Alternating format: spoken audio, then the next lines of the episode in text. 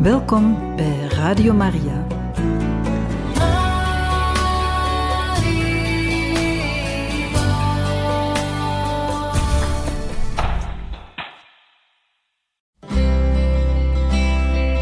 Welkom bij Boekat, een programma van Radio Maria.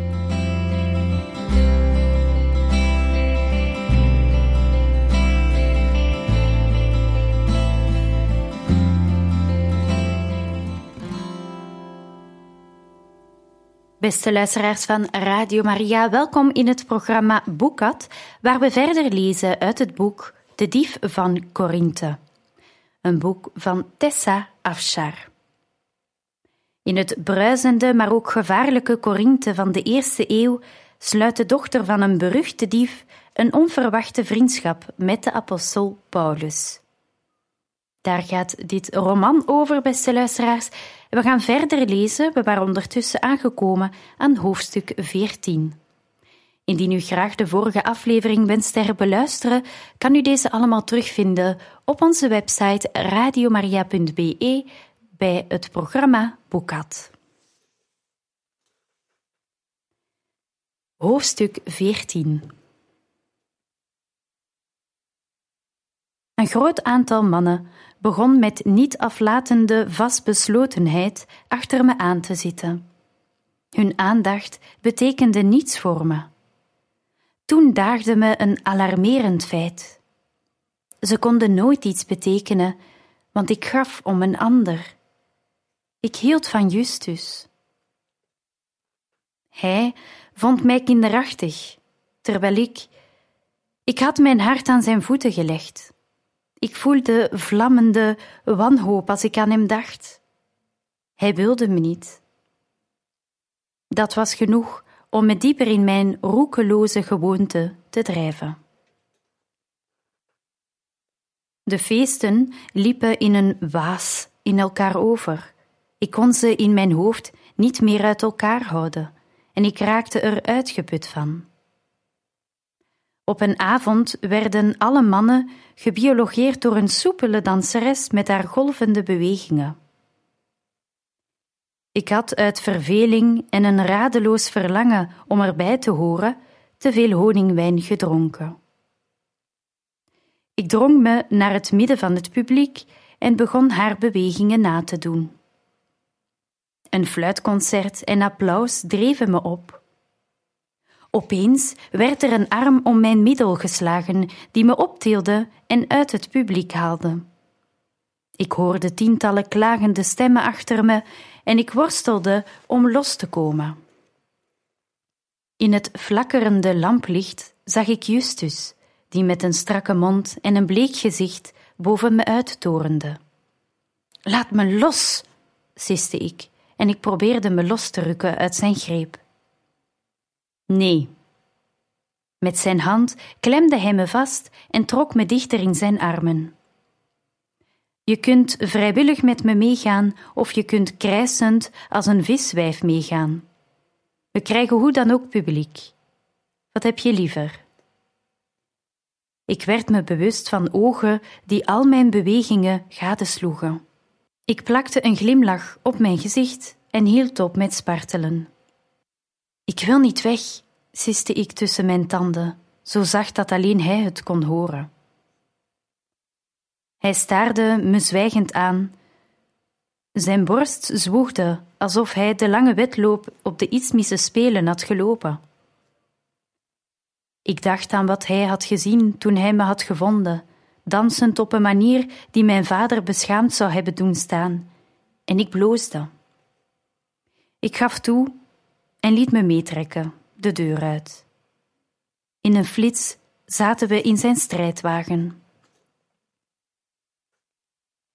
Wat doe je? gilde ik toen hij me voor zich in de strijdwagen duwde en me met zijn lijf tegen de voorkant drukte, terwijl hij de teugels nam. Je hebt te veel gedronken. Als we in beweging komen, verlies je je evenwicht. Ik kan niet riskeren dat je naar buiten tuimelt en verpletterd wordt onder de wielen. Je blijft hier, waar ik je in de gaten kan houden. Hij hield de teugels vast Zijn vingers speelden met het leer, maar hij maakte geen aanstalten om weg te rijden. Hij boog zijn hoofd en fluisterde in mijn oor. Je stelt me teleur, Ariadne. Ik dacht dat je verstandig genoeg was om die lege bewieroking te weerstaan. Je bent jezelf kwijtgeraakt. Het zijn jouw zaken niet, zei ik. De hitte maakte plaats voor kilte, toen tot me doordrong wat hij gezegd had. Ik zag mezelf voor me zoals hij me had aangetroffen. Dansend met zinnelijke uitbundigheid, mijn tunica over één schouder, de haren los uit het door Delia zorgvuldig opgemaakte kapsel, dronken van zoete wijn. Voor de eerste keer in maanden zag ik met vrede helderheid wat er van mij was geworden, en ik verbleekte. Wees maar niet bang. Ik zal het niet aan je vader vertellen, zei hij zacht. Zelfs in mijn bedwelmde staat voelde ik dat de boosheid die hem had gedreven plaats maakte voor medelijden. Ik slikte mijn tranen in. Dank je. Toen zette hij het rijtuig in beweging.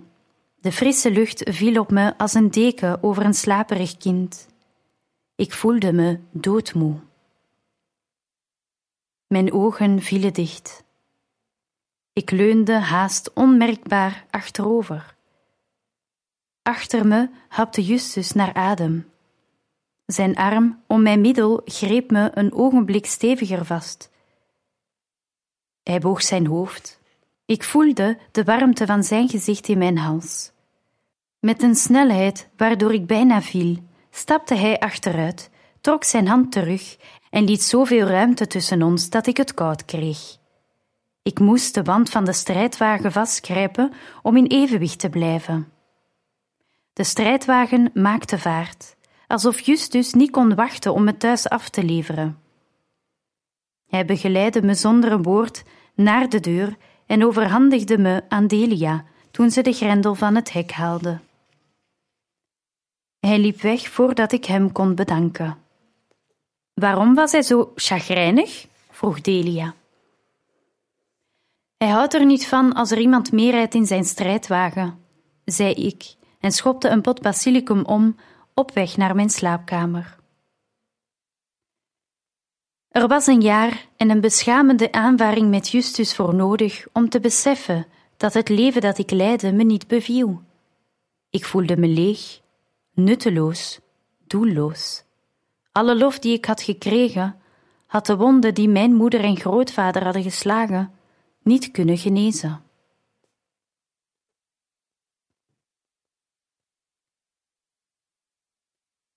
Na de avond waarop ik half wankelend van de drank door Justus naar huis was gebracht, bleef hij bij me uit de buurt. Na drie weken verwaardigde hij zich eindelijk ons een bezoek te brengen. Tegenover mij gedroeg hij zich met een ijzigheid waarvan ik in elkaar kromp. Tijd en eenzaamheid hadden mijn boosheid getemd. Zijn vriendschap was belangrijker voor mij dan mijn trots. Vader liet ons alleen in het atrium om de brieven te gaan halen die hij voor Dionysius had geschreven. Ik zei: Vergeef me, Justus. Hij keek me nadenkend aan. Je bent me geen excuus schuldig. Natuurlijk wel. Een excuus en dankbaarheid. Dank je wel dat je me daar hebt weggehaald voordat ik me onherstelbaar te schande had gemaakt. Je moet weten dat ik die avond geluisterd heb naar wat je hebt gezegd. Ik ben niet teruggekeerd naar dat leven. Justus plukte een basilicumblaadje uit een pot en draaide het tussen zijn vingers. De geur vulde mijn neusgaten. Ik was nog jong toen ik mijn eerste strijdwagenrace won. Te jong, zei hij. Toen ben ik ook een paar maanden de weg kwijt geweest. Ik glimlachte, gepijnigd. Je was zeventien. Je had kampioenen overwonnen, volwassen mannen. Natuurlijk steeg dat naar je hoofd. Ik heb geen excuus. Misschien is het niet zozeer het aantal jaren dat we leven als de ervaringen die we daarin meemaken. Je was niet voorbereid op die golf van schijnvereringen. Hij liet het basilicumblaadje weer in de stenen pot vallen en voelde aan de lange barst aan de zijkant. Wat is hiermee gebeurd? Ik kleurde. Het zou kunnen zijn dat ik er tegen geschopt heb. Hij grijnsde. Je zag mijn gezicht toch niet voor je op het moment dat je dat deed? Natuurlijk niet. Je knieschijven. Vader kwam binnen met een bundel cadeautjes en brieven om aan Justus te geven. Ondanks het verbod van mijn broer om hem te schrijven, was vader doorgegaan met brieven sturen. Binnenkort was Dionysius jarig en Justus reisde naar Athene. Hij had voor het eerst een schip gekocht en ging er voor de eerste keer mee op reis.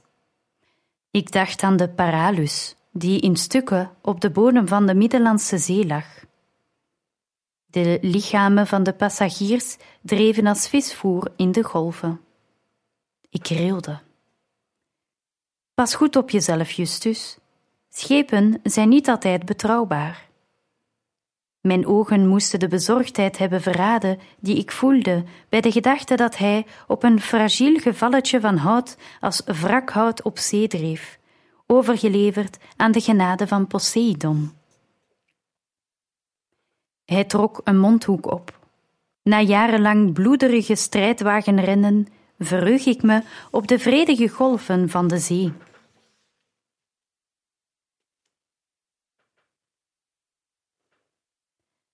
Omdat ik weinig te doen had, keerden mijn gedachten terug naar onze financiële rampspoed. Ik wist dat die een grijze schaduw over vader wierp. Hij schraapte over de bodem van zijn middelen. Vorige week had hij zelfs een stuk land dat sinds de herbouw van Corinthe in onze familie was geweest, verkocht. Kennelijk had hij vastbesloten de eerbare dief met pensioen te laten gaan omdat het te gevaarlijk was. Hoe meer ik over de zaak nadacht, des te meer concludeerde ik dat hij ongelijk had. Hij had al te veel verloren. Waren twee zoons niet genoeg? Moest hij ook nog zijn huis en zijn erfenis kwijtraken? Nee, het antwoord was niet dat hij moest stoppen. Het antwoord was dat ik hem de hulp moest geven die hij nodig had. Het lot had me voorbereid op die taak. Mijn lenige lijf, explosieve snelheid en lichamelijke kracht maakten mij een onbetaalbaar wapen in vaders hand. Als ik hem dekte, was hij niet te verslaan. Overdag zouden we vrijelijk geheimen verzamelen als we te gast waren in de mooiste huizen van Corinthe. S'nachts zouden we die kennis in ons voordeel gebruiken. Ik dacht na over de vergooide maanden van mijn leven. Ik was van de ene waardeloze bezigheid naar de volgende gewankeld, radeloos op zoek naar zingeving, naar een doel. En nu had ik het gevonden. Ik ging mijn vader helpen. Anders dan hij was ik nog te jong om mijn eigen hart volledig te kennen, te jong om mijn honger naar avontuur op te merken.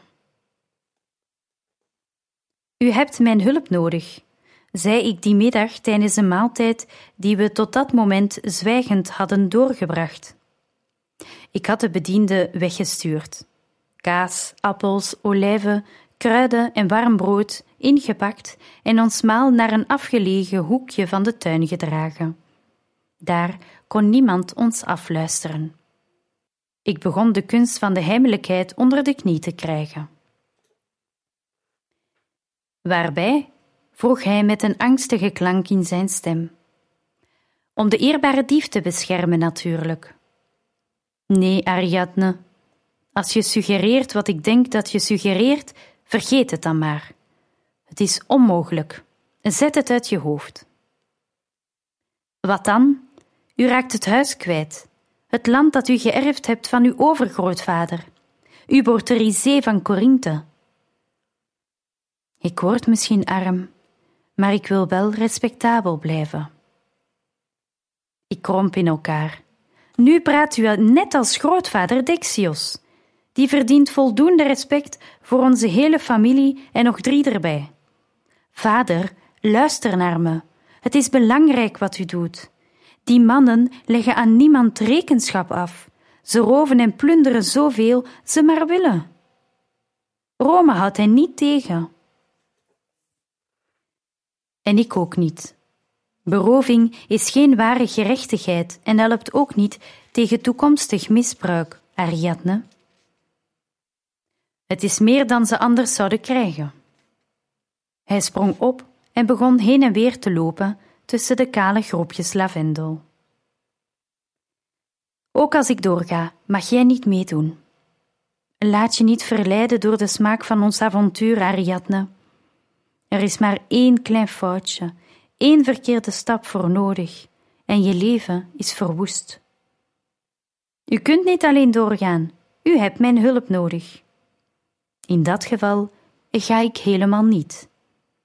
Dan ga ik zonder u. U kunt me niet tegenhouden, behalve als u me aan de tafelpoot bindt. Hij bleef abrupt staan. Dit is te erg. Wanneer ben je zo ongehoorzaam geworden? Ik grinnikte, want ik wist dat ik gewonnen had. Wanneer was ik niet ongehoorzaam? Je hebt gelijk, je hebt altijd pit gehad. Een felle vonk vuur die ons huis verlichtte. Hij schudde zijn hoofd. Celandine vond je obstinaat. Dat zul je ook wel geweest zijn. Maar ik vond ook dat je blijk gaf van zeldzame kracht en vastberadenheid. Dat probeerde ik altijd in je aan te moedigen, Ariadne, hoewel ik wist dat Celandine vond dat het moest worden uitgedoofd. Maar die. die volharding om kost wat kost je zin te krijgen, is iets anders. Ik gooide mijn servet op de grond. Hebt u liever dat ik bij u wegloop, zoals Dionysius? Vader antwoordde niet. We spraken die avond niet verder, we waren allebei gekwetst. Een week lang bleef de kwestie tussen ons instaan, een onopgeloste knoop. Op de achtste dag begon ik er weer over, te ongeduldig om hem meer tijd te geven. Ik heb een beambte bedacht die geschikt is voor ons doel, zei ik. Dat zal best, maar ik kies de man en het tijdstip. Drie huizen, niet meer. Daarmee kunnen we de schuld afbetalen. En dan stoppen we. Akkoord. Ik grijnsde, zonder op zijn bleke gelaatskleur te letten. Hij zou mijn hulp wel leren waarderen, dacht ik.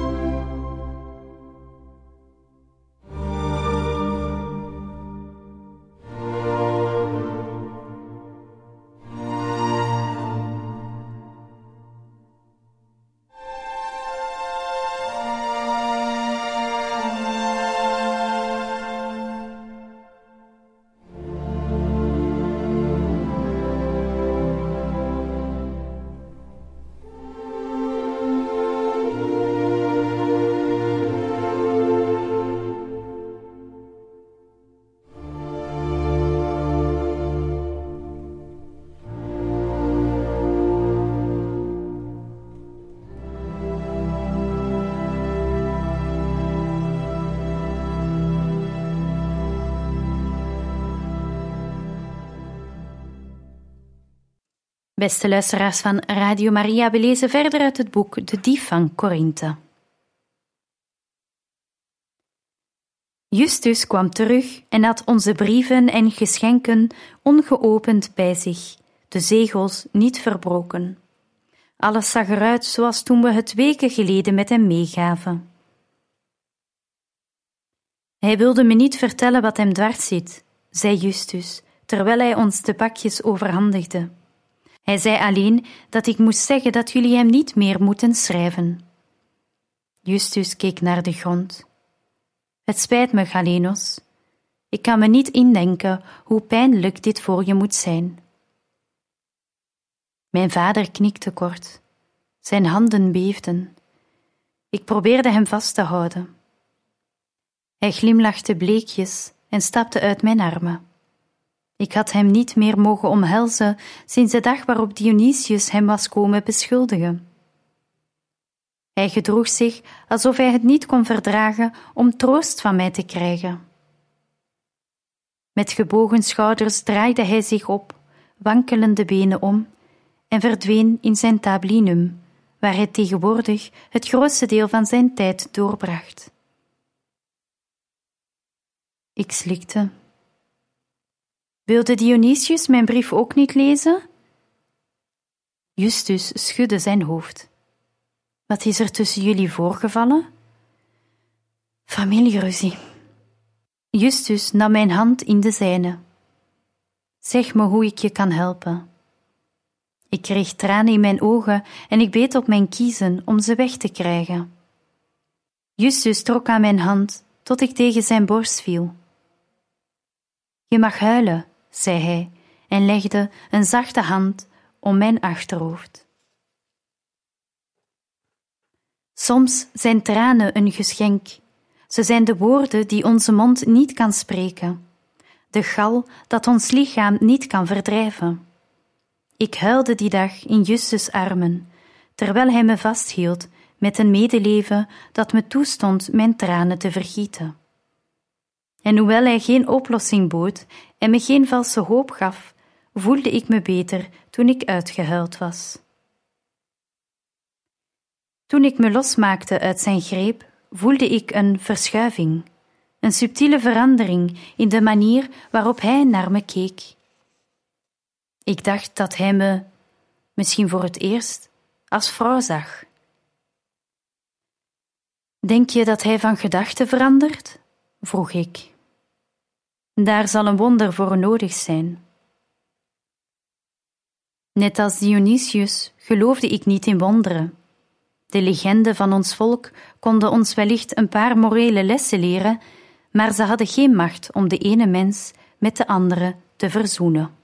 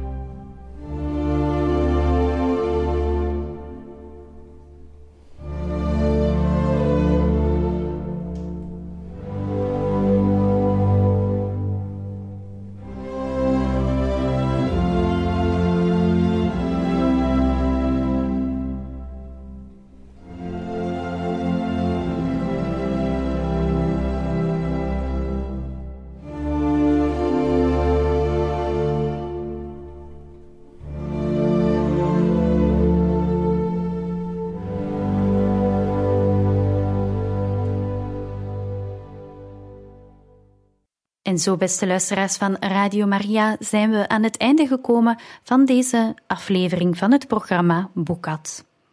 In de volgende aflevering zullen we verder lezen uit het boek De Dief van Korinthe van Tessa Afshar.